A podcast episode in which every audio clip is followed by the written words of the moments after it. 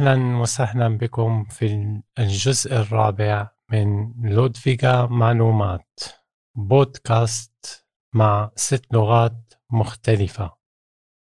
السويدية البسيطة الإنجليزية اللغة العربية التجرينية الصومالية الإيرانية. تحت إشراف ورعاية وتنفيذ بلدية لودفيكا نحن نعتز ونفتخر بآرائكم ومقترحاتكم الغالية على قلوبنا جميعا. راسلونا على podd snabel-a Ludvika punkt se للمضي قدما بهذا العمل المتواضع المنشأ لأجلكم. وهنا نود أن نغتنم الفرصة ونقول بأن هناك متغيرات سريعة يمكن أن تحصل حول القواعد الآنية المتعلقة بكورونا فيروس. عندما تبدأون بالاستماع للجزء الرابع من لودفيغا معلومات لذلك نرجو منكم توخي الدقة والحذر واتباع آخر التعليمات المتعلقة بكورونا.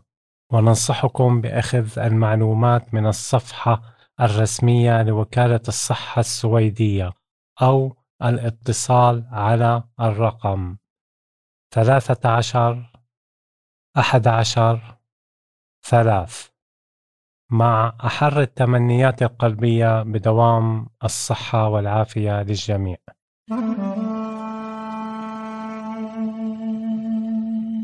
مثلما تأثرت جميع مناطق السويد بتلك القوانين والقواعد المتعلقة بكورونا فيروس.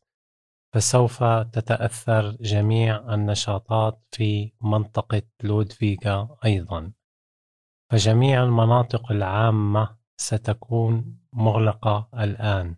وذلك للحد من انتشار وانتقال العدوى بكورونا فيروس. وستطبق هذه التعليمات حتى الرابع والعشرون من كانون الثاني إن لم تأتي تعليمات جديدة مغايرة لذلك. أولاً ستكون جميع الصالات الرياضية مغلقة، ويشمل ذلك أيضاً القاعات في الصالات الرياضية الموجودة في جميع المدارس ومراكز التدريب الرياضية العامة. اثنين منطقة A B B مغلقة وتشمل صالة التزلج وصالات تغيير الملابس ولكن المناطق ذات العشب الاصطناعي ستكون متاحة ثلاثة صالات السباحة في لودفيغا وغرينجس بيري ستكون مغلقة. جميع صالات الفولكت هوس غير قابلة للحجز.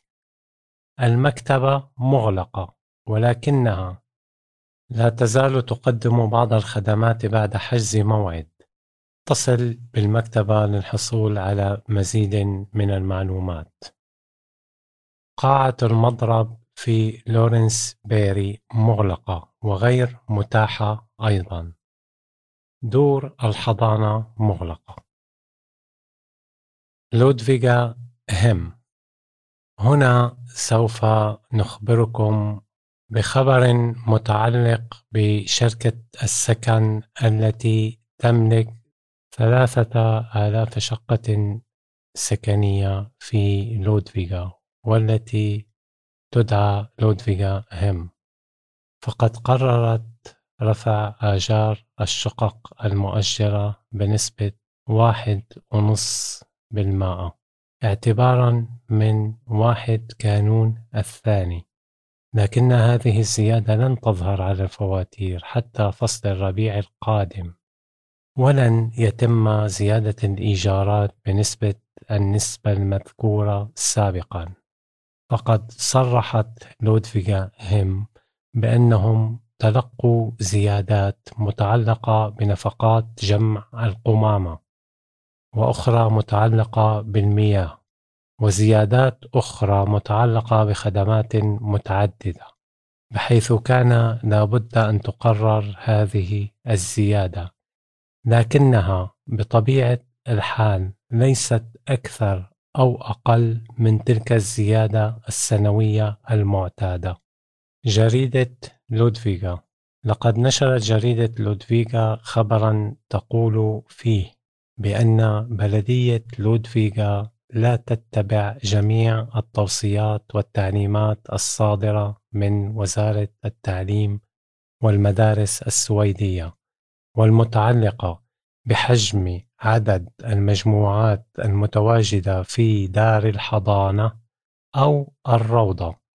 والآن يدق ناقوس الخطر من قبل الموظفين والمختصين بأن الأهداف التعليمية المحددة لم يتم بلوغها بالشكل المطلوب خلال الوقت المحدد.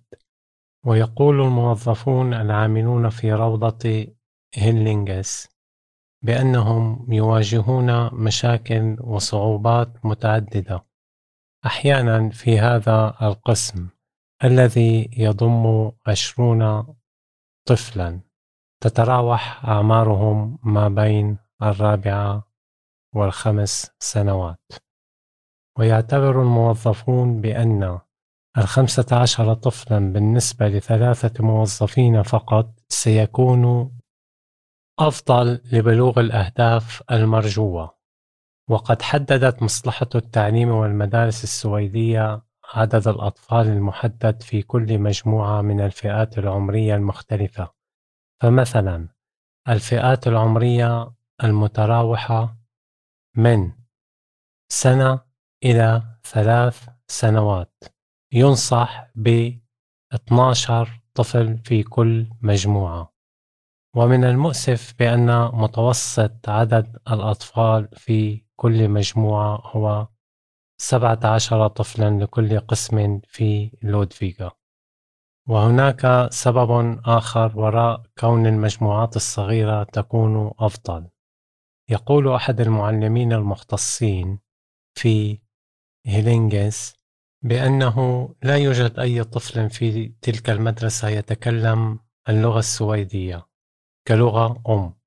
وفي المجموعات الصغيرة تكون هناك فرصة أكبر للأطفال للتحدث بالسويدية مع بعضهم البعض. فعندما يبدأ الطفل بمرحلة ما قبل التمهيدي ووفقا للتقديرات الرسمية فيجب عليه عندها أن يكون متمكنا من ستة آلاف إلى ثمانية آلاف كلمة لكي يتمكن من المضي قدما بالمنهج التدريسي بشكله الصحيح ويعتقد الموظفون في هيلينغن بأن السياسيين في لودفيغا لا يعطون الأولوية الكافية لمرحلة ما قبل التمهيدي. محطات إعادة التدوير في هوغ بيريت كانت هناك العديد من الشكاوي حول ما يبدو عليه الوضع في محطة إعادة التدوير في لودفيغا وهوغ بيري. حيث تعمل هذه المحطات على إعادة تدوير الزجاج والكرتون والبلاستيك وجميع أنواع الورق من مجلات وجرائد. ولكن هناك أيضا أنواع أخرى كالأثاث المنزلي والصناعي التي من غير الممكن لهذه المحطات باستقبالها ويجب على الشخص الذهاب إلى محطات أخرى كمحطة بيون هيتان في لودفيغا. فهناك يمكن للمرء التخلص ورمي هذه الأشياء ولكن هذه المحطة مليئة بالأشياء والأثاث وقد تم الإبلاغ لرفع هذه الأشياء من هناك من أجل خلق مساحة أكبر.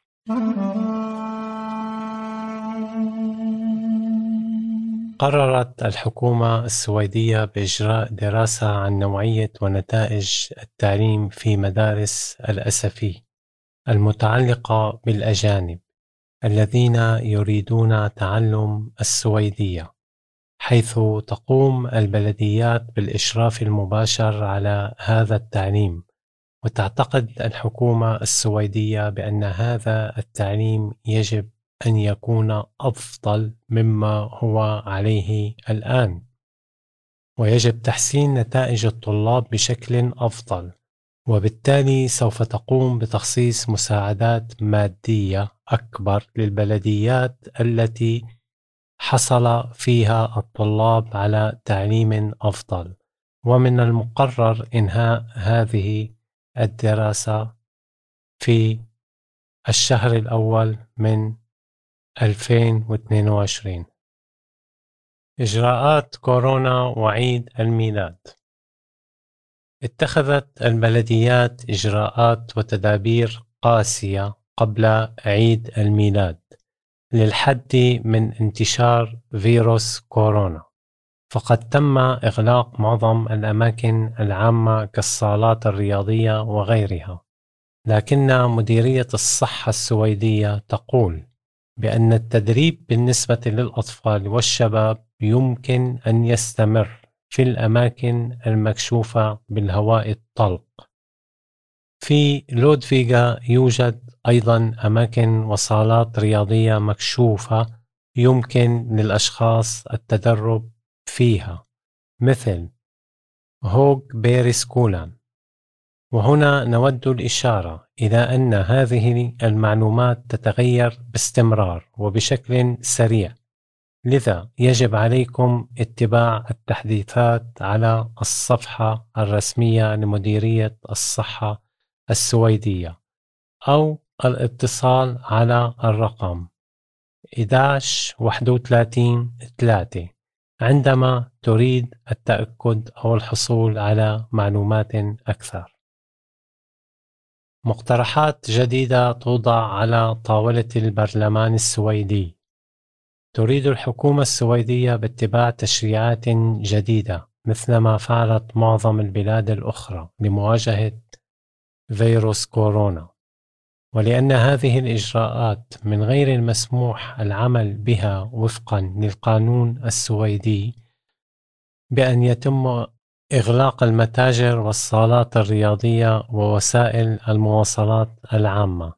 لذا فسوف يتم تحديد عدد محدد للأشخاص عند التقابل في الأماكن العامة ومن المحتمل أيضا أن يمنع التقابل في الحدائق والشواطئ.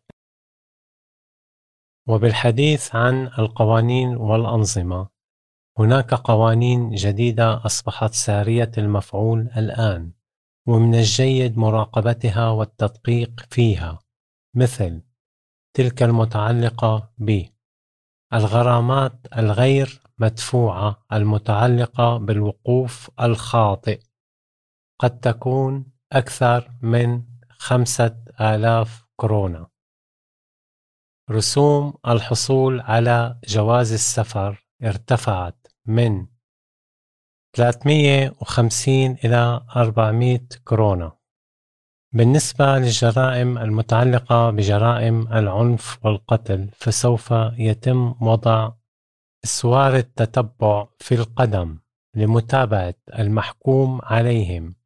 طوال الوقت وفي جميع الأماكن واختصارا ليس لديهم الحرية الكاملة بالتنقل حيث يشاءون أو يرغبون.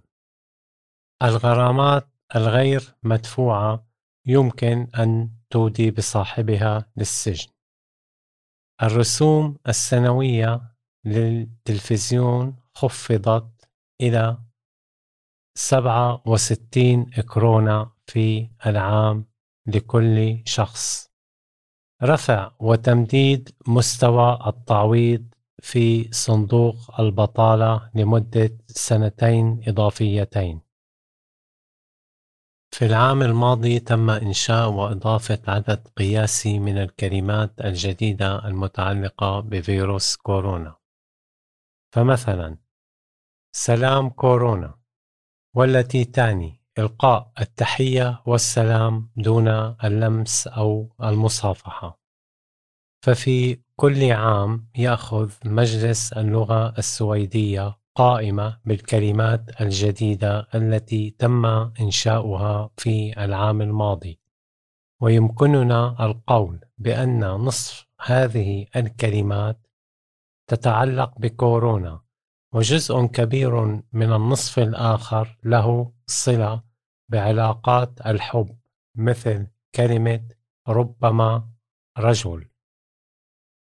والتي تعني ذلك الرجل الذي يدخل في علاقة حب دون أن يأخذ الأمر على محمل الجدية. استغلال العمالة أو الأيدي العاملة في السويد وجهت للحكومة السويدية انتقادات عديدة متعلقة باستغلال الأيدي العاملة في السويد لأن من غير المسموح به استغلال الأشخاص في العمل. لكن السياسيين لا يعملون الكثير من أجل إيقاف هذه الحالة أو الحد منها يقول التقرير. بأن المكتب الوطني للتدقيق هي السلطة التي تدقق وتستعرض ذلك وبالإجمال. فإن على السياسيين والحكومة والبرلمان القيام بعملهم وتحمل المسؤولية تجاه ذلك. وقد قدم المكتب الوطني للتدقيق شكوى بحق السياسيين الذين يرتكبون أخطاء وقد قدم المكتب الوطني تقريرا جديدا حول الشركات التي تستغل الأيدي العاملة في السويد. والمتعلقة بأولئك الأشخاص الذين قدموا إلى السويد لأجل العمل. في الزراعة أو المطاعم أو قطف أنواع معينة من الثمار. بأن بعض الشركات تقوم باستغلالهم وإعطائهم أجورا منخفضة وأحيانا يضطرون للعيش في مكان عملهم أو في أماكن خطرة. بدون أي معدات تقيهم هذا الخطر. وهناك أيضا فئة معينة من الناس مطالبين بديون فيضطرون للعمل بدون راتب. ومنذ عام 2004 تم حظر إجبار الناس على العمل أو استغلالهم في العمل. وقد سميت آنذاك بجريمة الإتجار بالبشر.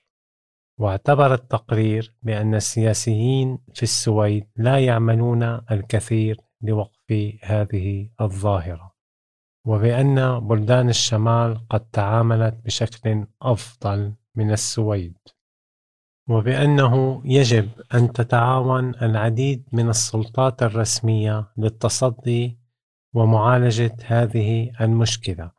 فعلى سبيل المثال البوليس والهيئة السويدية لبيئة العمل ومجلس الهجرة السويدي لكن الحكومة لا تملك أي خطة تجاه ذلك. لقد كانت سنة 2020 الأعلى حرارة في السويد. قال الخبراء بأن متوسط معدل درجات الحرارة كان مرتفعا بنسبة سبعة ونص درجة مئوية في السويد لعام 2020 هكذا بيّنت الدراسة التي أجراها عدد من الباحثين في 35 منطقة مختلفة في السويد. وتابعوا القول بأن السويد لم تشهد هذا الارتفاع لمعدل درجات الحرارة منذ 160 عام مضت وأنهم لم يتفاجؤوا بهذه النتيجة لأن المناخ آخذ بالتغير في جميع أنحاء العالم نتيجة زيادة الانبعاث المتزايد لغاز ثاني أكسيد الكربون في الهواء. وقد حذر الباحثون بأنه يجب علينا تخفيض هذه النسبة وإلا فإن معدل الحرارة آخذ بالارتفاع المستمر. الاتحاد الأوروبي. في العام الماضي قرر الاتحاد الأوروبي بحظر جميع الأشياء التي تحتوي مكوناتها على عنصر البلاستيك. والتي تستعمل لمرة واحدة فقط. لذلك تنظر الحكومة السويدية الآن للعديد من المقترحات لتقليل نسبة استخدام البلاستيك فالعديد من فلاتر السجائر تحتوي على البلاستيك. لذلك فسوف يغرم كل شخص يقوم بإلقاء أعقاب السجائر على الأرض. ومن ناحية أخرى تقوم الحكومة السويدية بدراسة اقتراح آخر حيث تبين الدراسة بأنه كل عام نستخدم أعداد هائلة من الكاسات التي تحتوي نسبة 10% بلاستيك. ولذلك فسوف تقوم الحكومة بحظر استخدامها وبأن القهوة سوف تباع بأكواب قابلة للاستعمال عدة مرات. وقد وضعت خطة زمنية لغاية 2024 وسوف يستمر العمل بهذا لكي يصبح أمرا ملموسا. كمامة الفم في المواصلات العامة.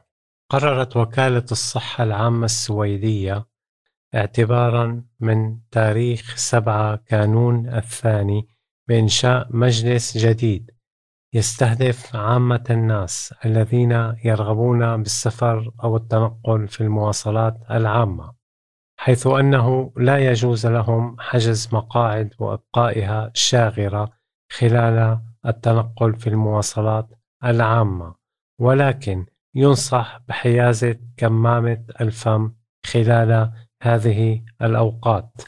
من السابعة إلى التاسعة صباحا. من الرابعة إلى السادسة مساء. لأنها تعد وقت الذروة للمواصلات العامة. وهذه النصيحة تتبع الأشخاص الذين ولدوا في 2004 وما قبل. أي الأشخاص في مرحلة الثانوية وما قبل؟ لأنه يجب أخذ المبادرة وتحمل المسؤولية الشخصية حول ذلك والاحتفاظ بكمامة الفم التي تحمل الماركة CA إرشادات حول كيفية الاستخدام الصحيح لكمامة الفم وجعلها أكثر فاعلية. يجب وضع الكمامة بحيث تغطي الفم والأنف. لا تقم بتحريك الكمامة صعودا وهبوطا، لأن هناك احتمال كبير بانتقال الفيروس إلى يديك عند قيامك بهذه الحركة. وبكل سهولة ستساهم في انتقال العدوى للآخرين. ولكن الطريقة الصحيحة هي القيام بتحريك أربطة الكمامة فقط. قم بوضع الكمامة بكيس نايلون قبل أن ترميها بعد الاستعمال. هناك أنواع مختلفة من كمامات الفم ولكن يوجد نوع يحمل علامة CA تم التأكد من فاعليتها. وإذا كنت تملك كمامة مصنوعة من القماش فمن المهم أن تحتوي على عدة طبقات قماشية مع الأخذ بالاعتبار بأن الكمامة لا تحمي نفسك من خلالها. ولكن تحمي الآخرين وتحد من انتشار العدوى لهم. قبل حوالي ثلاثون عاما مضت قرر الحزب الديمقراطي الاجتماعي وحزب الوسط بأن البلديات هي التي ستكون مسؤولة عن المدارس وعندئذ انتقلت هذه المسؤولية من الدولة إلى البلديات كما هو عليه الحال اليوم. ولكن في نهاية كانون الأول قررت الحكومة والأحزاب المتعاونة معها بضرورة إلغاء دراسة أو فحص إمكانية نقل إرجاع المسؤولية إلى الدولة ثانية. وعندها ستكون الدولة هي المسؤولة عن جميع المدارس باستثناء مرحلة ما قبل التمهيدي ومدارس تعليم الكبار. والآن يحصل الطلاب على تعليم مختلف وامتحانات مختلفة ويعود ذلك للكومون الذي يعيش فيه الطالب. حيث تقوم الكومونات أيضا بمنح مبالغ مختلفة للمدارس حيث يعتقد السياسيون بأنه يجب على الطلاب أن يحصلوا على نفس المستوى التعليمي إذا انتقلت المسؤولية إلى الدولة ثانية. أوت فاندرانا يصبح فيلم قبل 150 عاما مضت كانت السويد بلدا فقيرا والعديد من السكان لم يكن يجد قوت يومه عندها كانت السويد بلدا غير ديمقراطي والناس العاديين غير مسموح لهم قول ما يعتقدون أو يفكرون. أكثر من مليون شخص سويدي هاجر إلى الولايات المتحدة الأمريكية في القرن الثامن عشر طلبا لحياة أفضل وحرية أكبر.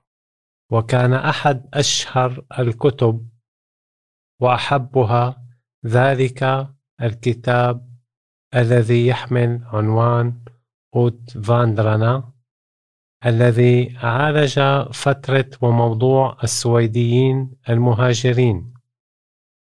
فيلمهلم موبيري هو اسم الكاتب الذي ألف الكتاب.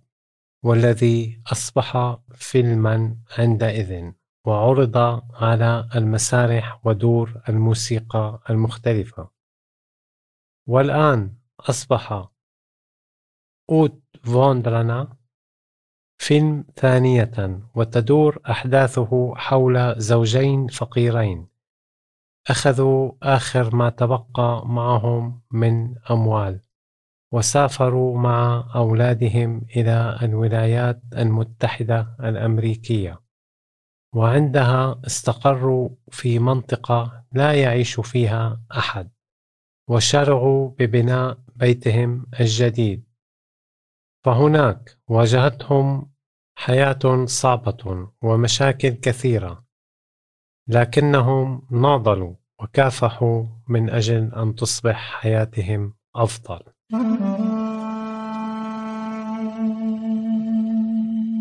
مهنة الأسبوع اليوم سوف نتحدث عن مهنة التمريض والرعاية الصحية. أشخاصها يعملون في المشافي ومراكز الرعاية المركزية لدار المسنين وأصحاب الاحتياجات الخاصة.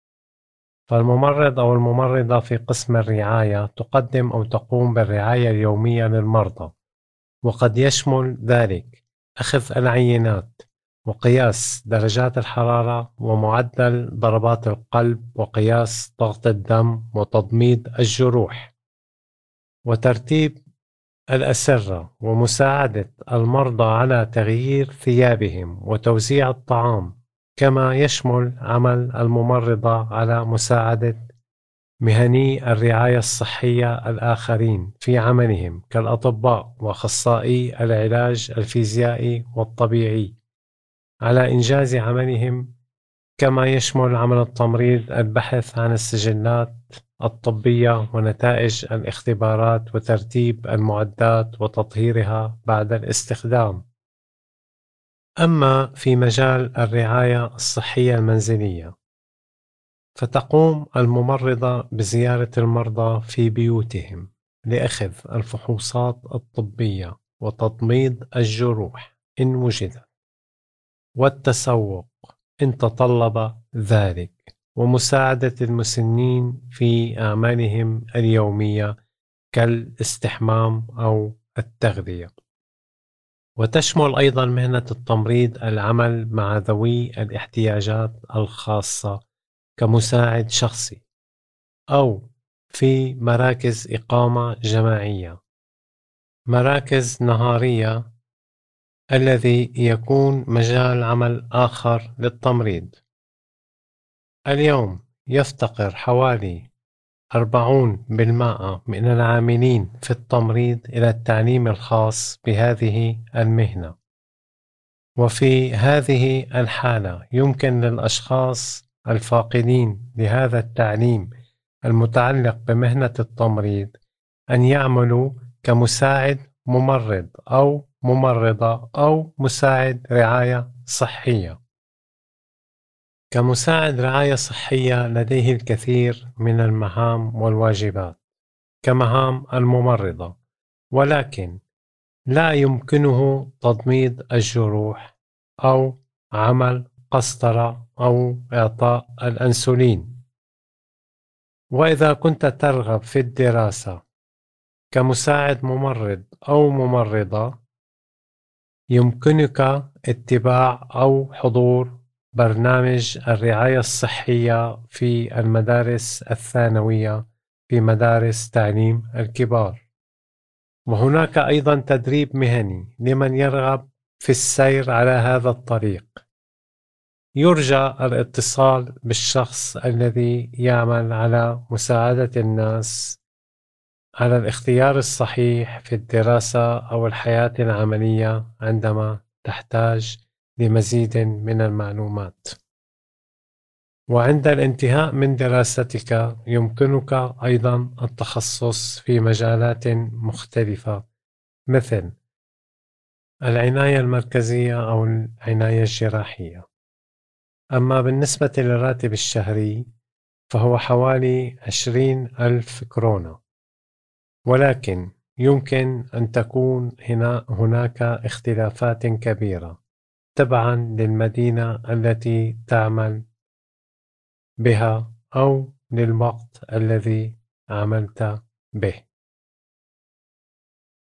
أنت تسأل ونحن نجيب هل تريد طرح الأسئلة أو تعتقد أو تفكر بشيء متعلق بمدينة لودفيغا أو بالسويد أو بالمجتمع السويدي أو باللغة السويدية؟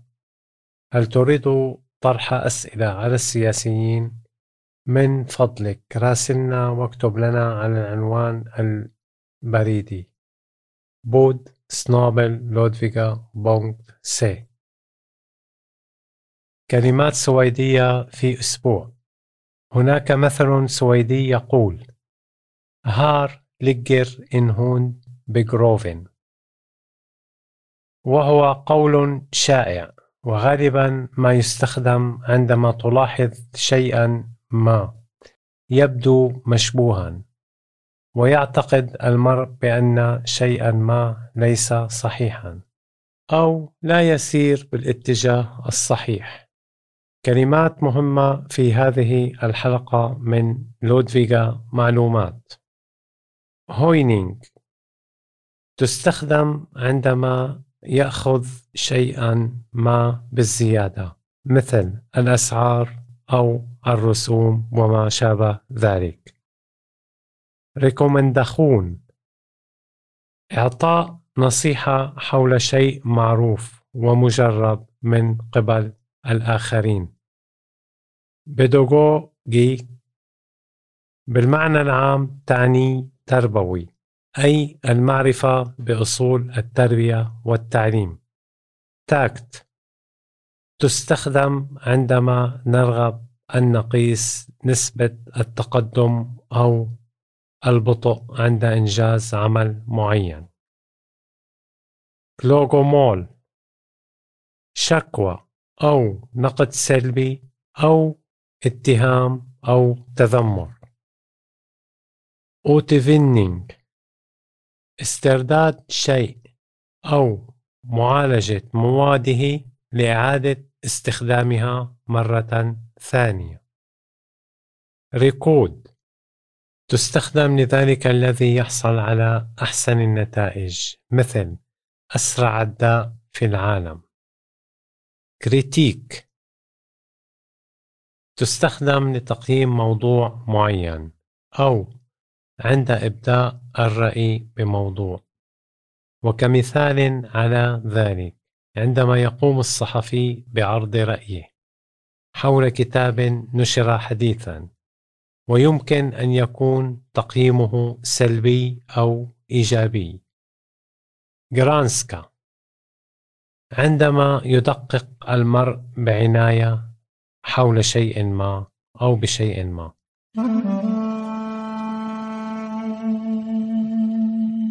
هنا شعرفت حلقتنا على الانتهاء ولا يسعنا إلا أن نشكر حسن استماعكم إلى الجزء الأسبوعي من لودفيغا معلومات. ولا تنسوا أن تبعثوا باقتراحاتكم وآرائكم على podd snabel-a Ludvika punkt se هنا ماسن وماتي نتمنى لكم أوقاتا مليئة بالصحة والسلامة للجميع. وشكرا.